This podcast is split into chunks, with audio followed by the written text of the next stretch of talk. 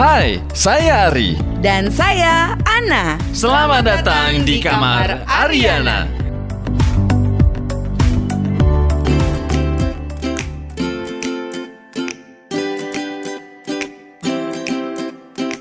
Hai, saya Ari. Dan saya Ana. Selamat, datang di kamar Ariana. Let's Community Science. Hari ini kita akan mempelajari jenis-jenis program radio. Fari suka dengar radio kan? Lumayan. Lumayan. Pasti yang paling sering didengerin Radio Mercy FM ya. Pastinya sambil joget. Sambil joget dangdut ya. Iya. Menurut selain Radio Mercy, radio apa lagi yang paling sering Pari dengarkan? Prambors biasanya Bu Ana. Prambors. Iya. Padahal Prambors itu buat anak muda loh. Nggak apa-apa, biar jiwanya tetap muda. Iya, Pari kan masih muda ya. Betul. 20 tahun yang lalu. Sekarang sih udah enggak ya. It was Bu Ana. It was. Pernah muda. Sekarang udah enggak ya. Lumayan. Masih lah dikit ya. Beda tipis lah sama Bu Ana. Iya. Selain Radio Mercy dan Radio Prambors, ada radio lain yang Pari suka nggak? Seringnya sih El Sinta ya Bu Ana. Kalau El Shinta berarti Pari cari berita ya? Betul. Oke. Berita orang hilang seringnya sih. Pari kehilangan orang. Aku kehilangan hati.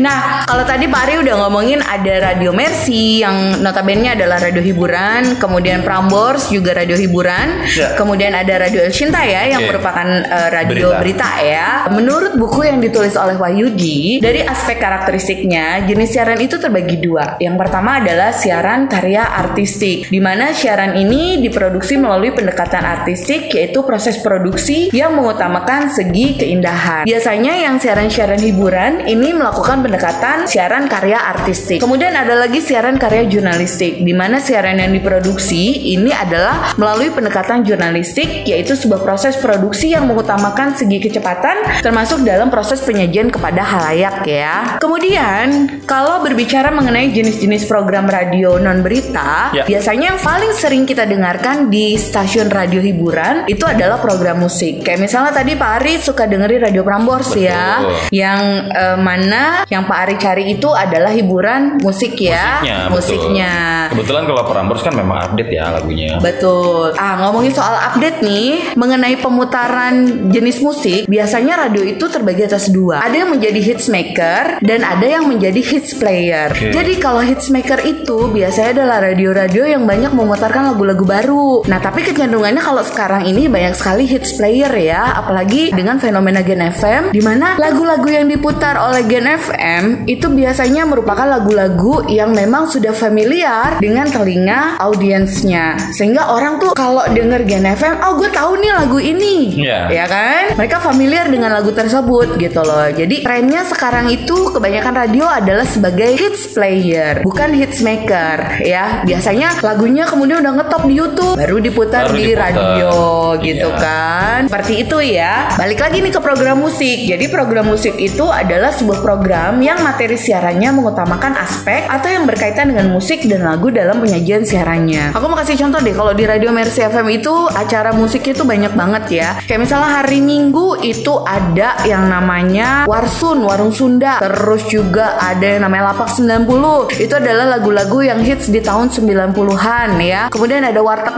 Megapolitan. Itu juga adalah eh, sebuah program musik ya karena memutarkan lagu-lagu tarling, lagu-lagu campur sari. Kemudian ada lagi program drama radio. Nah, program drama radio ini adalah sebuah program yang ngetop atau ngehits banget di tahun 80-an gitu ya. Karena memang pilihan media massa yang bisa dinikmati oleh masyarakat itu belum banyak ya. Betul. Eh, TV eh, sudah ada tapi mungkin baru TVRI Iya. ya Pak Ari ya. Betul. Di tahun 80-an itu. Nah program drama radio ini sebetulnya sama aja kayak kita nonton drama di televisi ya cuman di sini nggak ada visualnya aja gitu. Betul. Jadi ya sound effects itu bener-bener harus dimaksimalkan kan. berpengaruh sekali Betul. ya. Oke. Berpengaruh terhadap theater of mind kita. Gitu. Dan program drama radio ini sekarang juga masih banyak kok radio-radio yang membuat atau memproduksi drama radio ya. Jadi program drama radio adalah sebuah program yang menyajikan secara audio ya eh, dramatisasi para tokoh atau karakter dalam sebuah cerita yang dibawakan dengan gaya naratif, kemudian juga bisa dalam bentuk monolog atau dialog gitu ya, yang kemudian diselingi dengan suara musik, lagu, dan efek suara yang memang diperlukan. Benar tadi ya, sound effects itu berperan banget dalam menciptakan theater of mind ya. Tapi yang paling berperan dalam drama radio itu sebenarnya adalah theater of mind dari pendengar itu sendiri. Karena misalnya gini nih Pak Aris, kita mau bikin drama radio, mau membuat suasana bawah laut aja. Kita cuma ngomong, naratornya cuma ngomong suatu hari di dasar laut. Terus ada suara gelembung air gitu kan,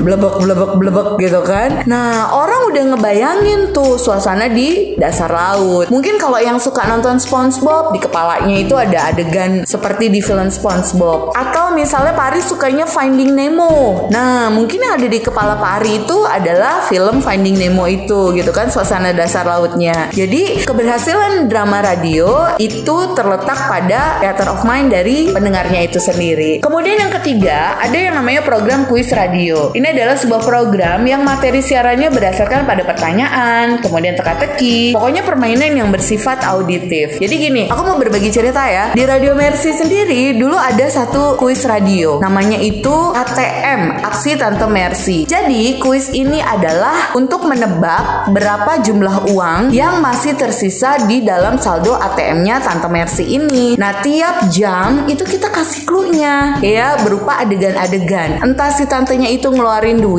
atau si tantenya ngedapetin duit dari mana pun. Sehingga di akhir biasanya untuk menebak saldo dari Tante Mercy itu acaranya itu diputar di jam 9. Jadi kita kan buka lima orang penelpon untuk menebak ya jumlah saldo atau jumlah uang yang dimiliki oleh Tante Mercy setelah dia bertransaksi dari pukul 6 pagi sampai pukul 6 sore. Nah, itu adalah program kuis radio ya. Dan tujuannya salah satunya adalah menjaga supaya pendengar itu nggak pergi ke mana-mana.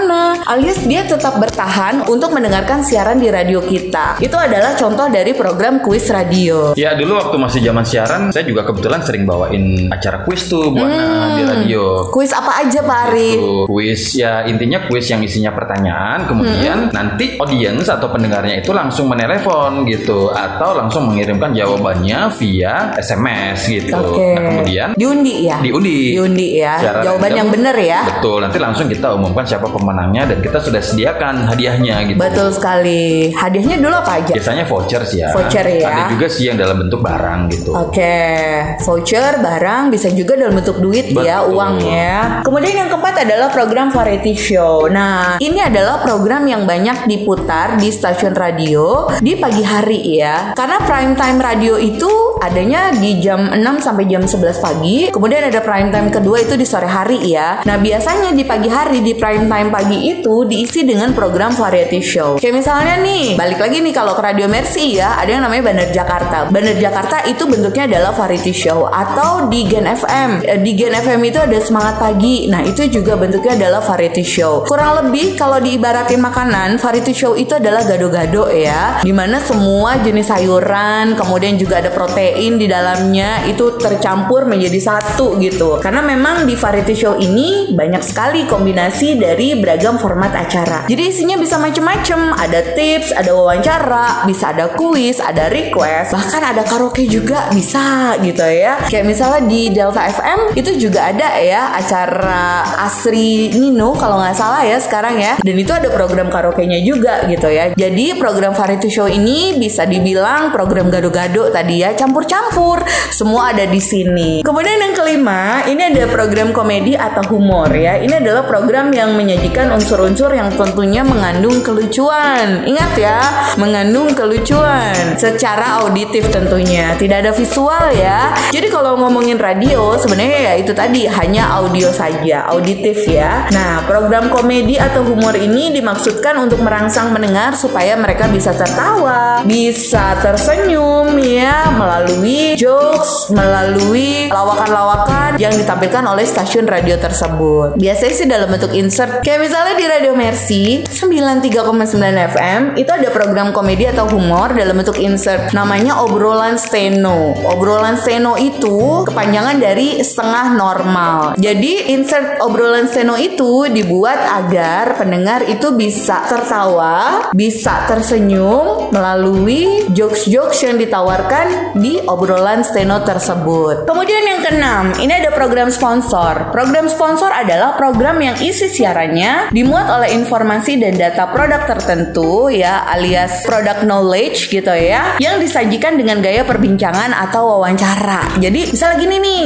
misalnya Pak hari ini seorang product manager dari sebuah brand gitu ya. Ya, alat brand, kesehatan lah ya misalnya ya atau obat lah ya atau suplemen kesehatan. Iya, kemudian Pak Ari ingin agar brandnya ini lebih dikenal oleh masyarakat. Akhirnya Pak Ari mikir dong gitu kan. Oh iya, bisa nih melakukan proses wawancara gitu ya. Blocking time ya. di stasiun radio tertentu ya. Hanya beli slot gitu ya. Beli Betul. Spot, gitu. Beli waktu ya selama kurang lebih ada yang 30 menit, ada yang satu jam gitu ya. Nah, itu diisi dengan talk show bersama produk manajernya. Tujuannya? Tujuannya untuk memperkenalkan produk tersebut tentunya. Mempromosikan, ya. mempromosikan produk tersebut gitu ya. Sehingga dalam satu jam itu ya acaranya adalah memperkenalkan apa kelebihan dari produk Ari itu ya.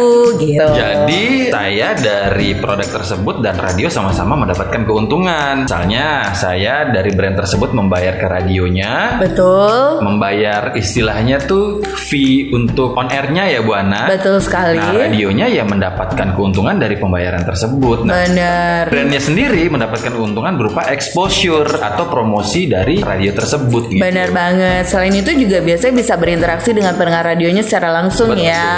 Gitu bisa ada tanya jawab tentang produk tersebut. Tambal bintang nggak ada bu? Gak ada pak. balik balik lagi ya kalau ngomongin soal musik ya. Dulu tuh ada sebuah survei yang dilakukan oleh Asi Nielsen, di mana di survei tersebut menunjukkan bahwa musik pop Indonesia ini ternyata berada di urutan paling atas yang paling digemari oleh pendengar radio di Jabodetabek ya. Ada 38% pendengar yang ternyata menyukai musik pop Indonesia. Kemudian musik barat itu ada di posisi kedua dengan persentase 12,5%. Kemudian ada 16% ya yang ternyata lebih suka mendengarkan berita. Kayak Pak ini nih, dia lebih suka dengerin berita ya. Kemudian ada 12% lainnya yang memilih perbincangan radio dan 6,8% ini memilih mendengarkan program keagamaan. Nah, mengutip dari Malik Syafi'i Saleh, komisaris grup Masima yang punya beberapa stasiun radio seperti Prambors, Delta, Female ya. Nah, stasiun-stasiun radio yang ada di Jakarta ini dibagi oleh Malik Syafi'i Saleh menjadi empat kelas ya. Jadi grup A ini adalah stasiun radio yang memutarkan musik seperti jazz dan musik klasik. Kemudian grup B ini adalah stasiun radio yang memainkan atau memutarkan musik pop atau rock. Sementara ada radio juga yang memainkan musik dangdut. Nah, ini ditempatkan di grup C dan grup D ini diisi dengan stasiun radio yang memainkan musik dalam bahasa tradisional. Nah, format program musik ini memang adalah sebuah program di mana musik atau lagu merupakan dagangan utamanya. Betul. Ya, jualan utamanya. Jadi benar-benar yang dijual itu adalah musiknya gitu ya atau lagunya. Dan tentunya lagu-lagu atau musik yang diputarkan itu merupakan representasi dari stasiun radionya itu sendiri. Format musik stasiun radio secara internasional ya, itu biasanya punya kategori kayak adult contemporary, kemudian ada beautiful music, kemudian ada music country ya, ada CHR contemporary hits radio, kemudian ada top 40, ada R&B, ada crossover, kemudian ada middle of the road, kemudian ada rock, ada Latin, ada oldies ya, ada pop Indonesia, ada dangdut, ada campur sari, ada K-pop dan lain-lain. Kalau kayak kita nih cocok sama oldies nih lagunya kan.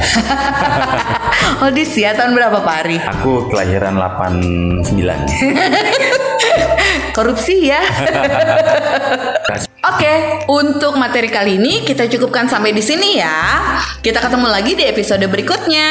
Ya, seperti biasa, jangan lupa tunggu episode selanjutnya ya, teman-teman. Betul sekali, tentunya hanya di kamar Ariana. Let's Communi Science. Saya Ana. Saya Ferrari. Kami pamit. Bye. Dadah.